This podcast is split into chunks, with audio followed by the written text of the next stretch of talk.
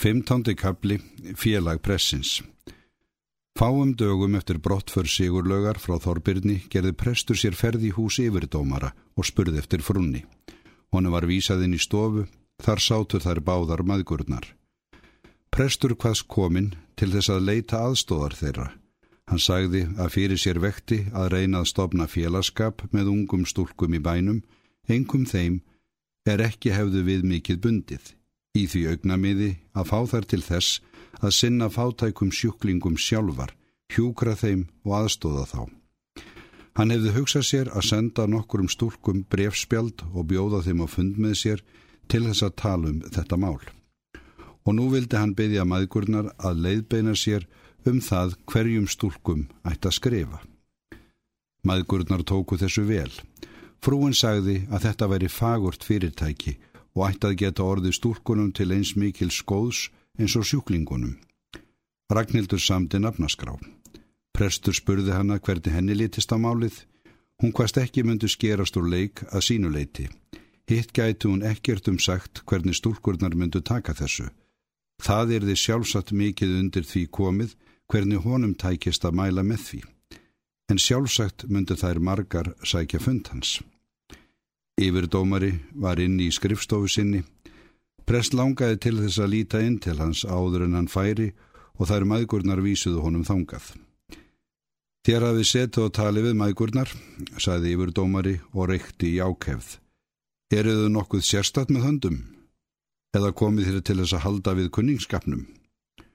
Hvort veggja, sagði prestur og hló. Hann vissi að það var satt.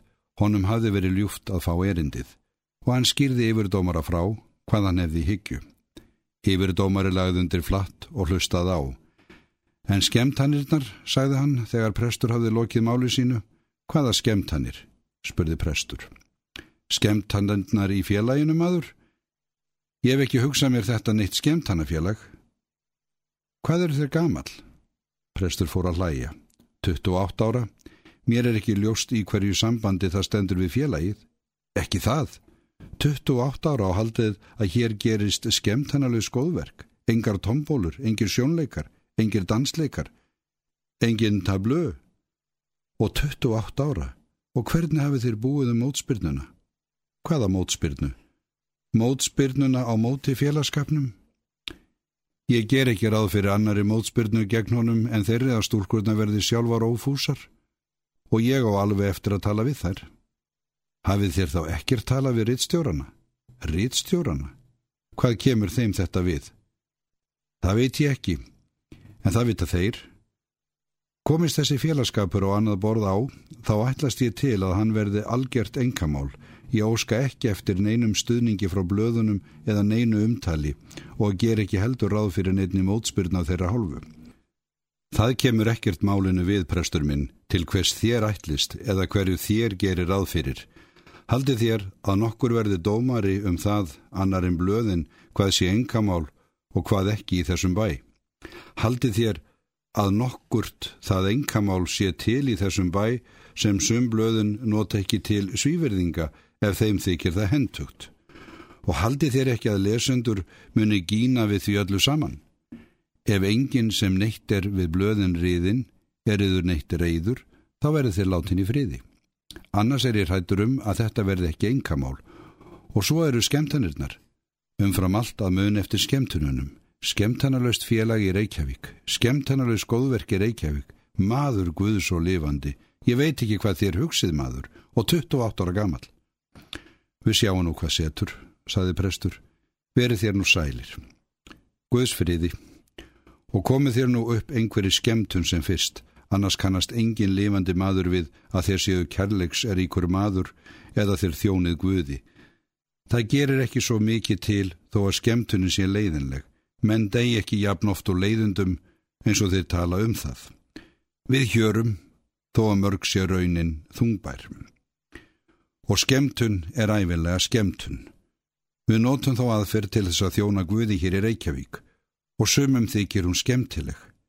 Jæja, verið þér nú sælir.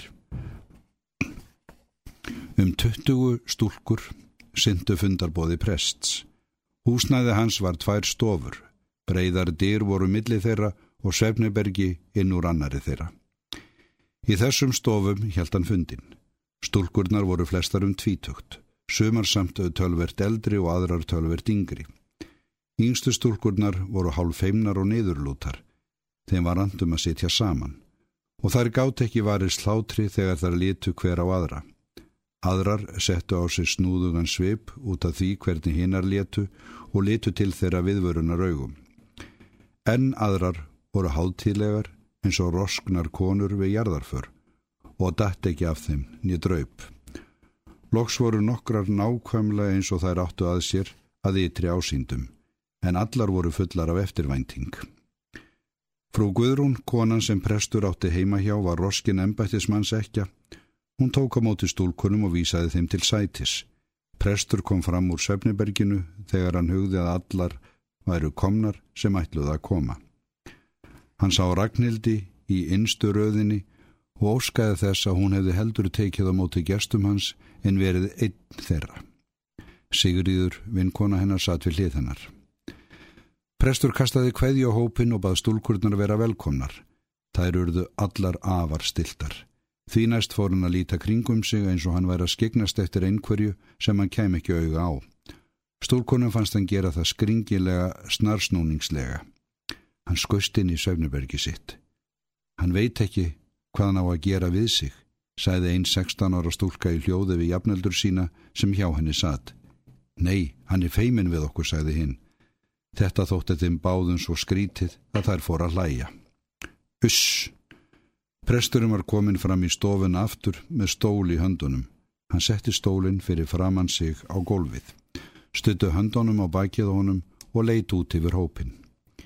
Stúrkurnar tvær reynda valeflið að stilla sig, en hláturinn var sestur í þeim og vildi ekki fara, kom í gusum. Tvítug stúlka í næstinstu röðinni lautaði eiranu á Ragnhildi og spurði hvað þessa litlu stelpur ætti að gera hingað. Allar heyrðu það og litu óþólimáðlega í áttina til hláturskussana. Prestur brosti góðlátlega. Ég vona að þið amist ekki við hláturinnum, með ættum heldur að reyna að auka hann umhverfis okkur. Þeir eru svo margir sem fara hans á mis. Sumir geta aldrei leið, þeir menn þjást mest. Sumir af geðvonsku, sumir af áhyggjum, sumir af ofurharmi, sumir af bájendum og sjúdómum. Og á þá, menn, ætlaði ég að minnast við ykkur í dag. Bástata, hjálparvana, sjúklinga. Preymurinn í rödd pressins smaug inn í hug stúlnana. Það hlustuð af mikilli aðtegli. Stúlkurnar sem leið höfðu gáttu samt ekki bundist þess að stinga saman nefjum um hvað prestur væri indislegur. Mér er ókunnugt um það, mælti prestur enn fremur, að hvað miklu leiti þið aðhyllist kenningar Kristinar kirkju.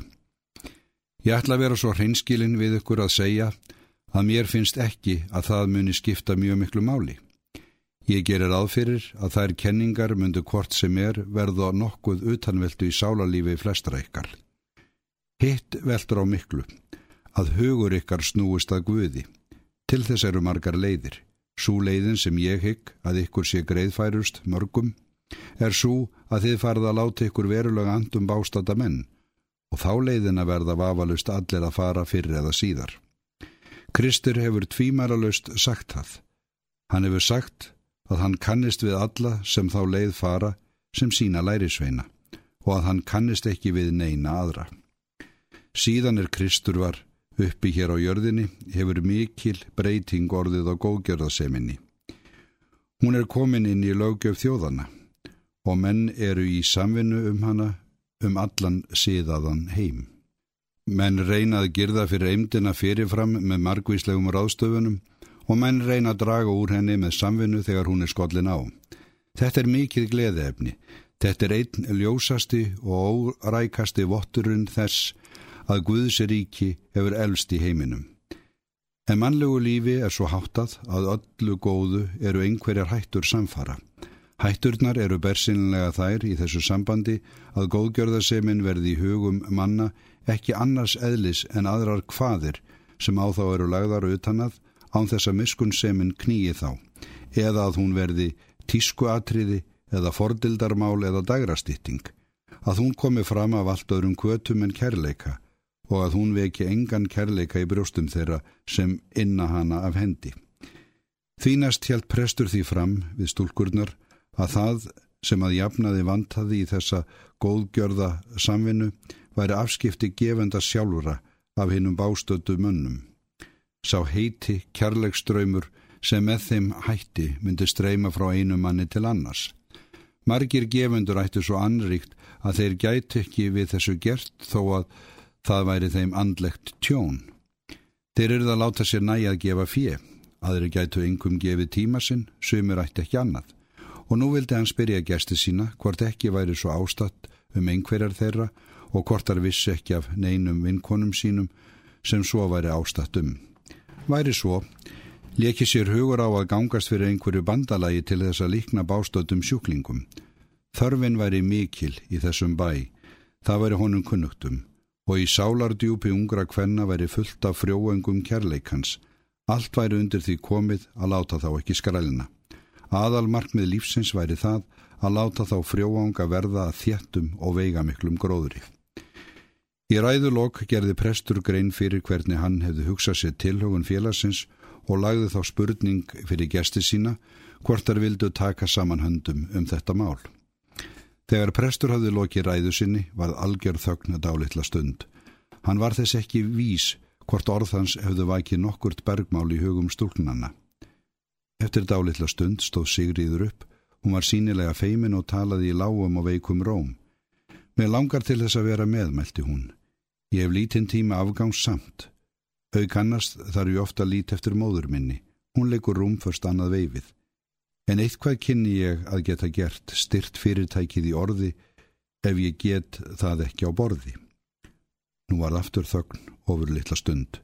Prestur þótti sjá að hann yrði eitthvað meira að segja hvernig sem það nú tækist. Hann tók að segja þeim frá ýmsum sjúklingun sem hann þekkti, hvernig börn og gamalmenni og drikju, mannakonur og algerðir einstæðingar læju fyrir dauðanum með nauðalítilli hyrðingu og í öllum þjáningunum vissu þessi smælingar það vel að öllum væri samum þá. Stæði alveg á samum þrautir þeirra, stæði hjartanlega á samum andlátt þeirra, mætu ekki líkama þeirra niður sál meira en dustið á götonum eða vindin í fyrravetur. Lengra væri ekki Guðsríki komið með oss, þrátt fyrir allt og allt. Hann lísti því er hann að þið séð með ljósum orðum og talað af mikill í viðkvæmni. Þegar hann hafði lokið þeim lýsingum sínum, mælti hann enn fremur. Má ég segja ykkur draum sem ég dreymdi í nótt? Mér dreymdi lítinn dreng, indislega, fallegan, góðan og elskulegan. Ég þóttist unna honum svo mikið að ég mátti ekki af honum sjá, en ég misti einhvern veginn af honum í draumnum og ég var þrættur um hann og lagði af stað að leita hans. Þá sá ég allt í einu að jörðin var þakinn þykkum snjó og ég vissi að á undan hafði verið blindbílur. Jáframt þóttist ég vita það að drengurinn hefði verið úti í bylnum og hugur minn titraði af skelvingu. Ég gekka því vísu að drengurinn hefði orðið úti. Ég lagði út á snjóbreiðuna og ég kallaði en enginn svaraði. Ég leiti eftir hverjum njót sem stóð upp úr snjónum, hvort það væri ekki hann. Ég hafði brennandi laungun til að finna hann og samt var ég hrættur við að finna hann. Með ángist í huganum vaknaði ég. Þegar ég hafði náð mér aftur eftir draumfælnina fór ég að hugsa um alla mennina sem verða úti í fátæktinni og menningarleysinu og kærleiksleysi annara. Hugsið ykkur allar þá smælingja sem eiga engan vinn, hafa engu kynst af lífinu nema strítinu, njóta einskis að þægjendum lífsins og leggjast veikir. Hugsið ykkur börn, liggja fyrir dauðanum og vita að engum þykir væntum þau. Er það ekki óumræðilegt? Stendur ekki enn meiri kuldi af þeirri hugsun en á snjóbreyðunni sem drengurinn minn í draumnum lág í. Og erum við ekki öll að verða úti þegar við hugsum ekki um annað en okkur sjálf? Verð ekki allir þessir einskísverðu hlutir sem við fyllum hugan með að snjósköplum þegar ástriki kemst þar ekki inn? Hugsið um sáleikar. Er hún ekki snjónum eins og drengurinn minn í draumnum?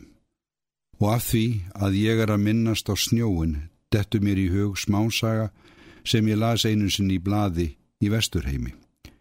Hjón fluttu sér sunnan úr heitu landi með kornunga dóttur sína og settu staði í norðanverðum vesturheimi. Fyrsta haustið sem þau voru þar fór að snjóa í logni. Það fyrirbreyði hafði barnið aldrei séð. Það stóð við glukkan og horfið á mjöllina, koma ofan úr loftinu og leggjast yfir jörðina. Því fann svo mikið um að það sagði, er Guð komin mamma?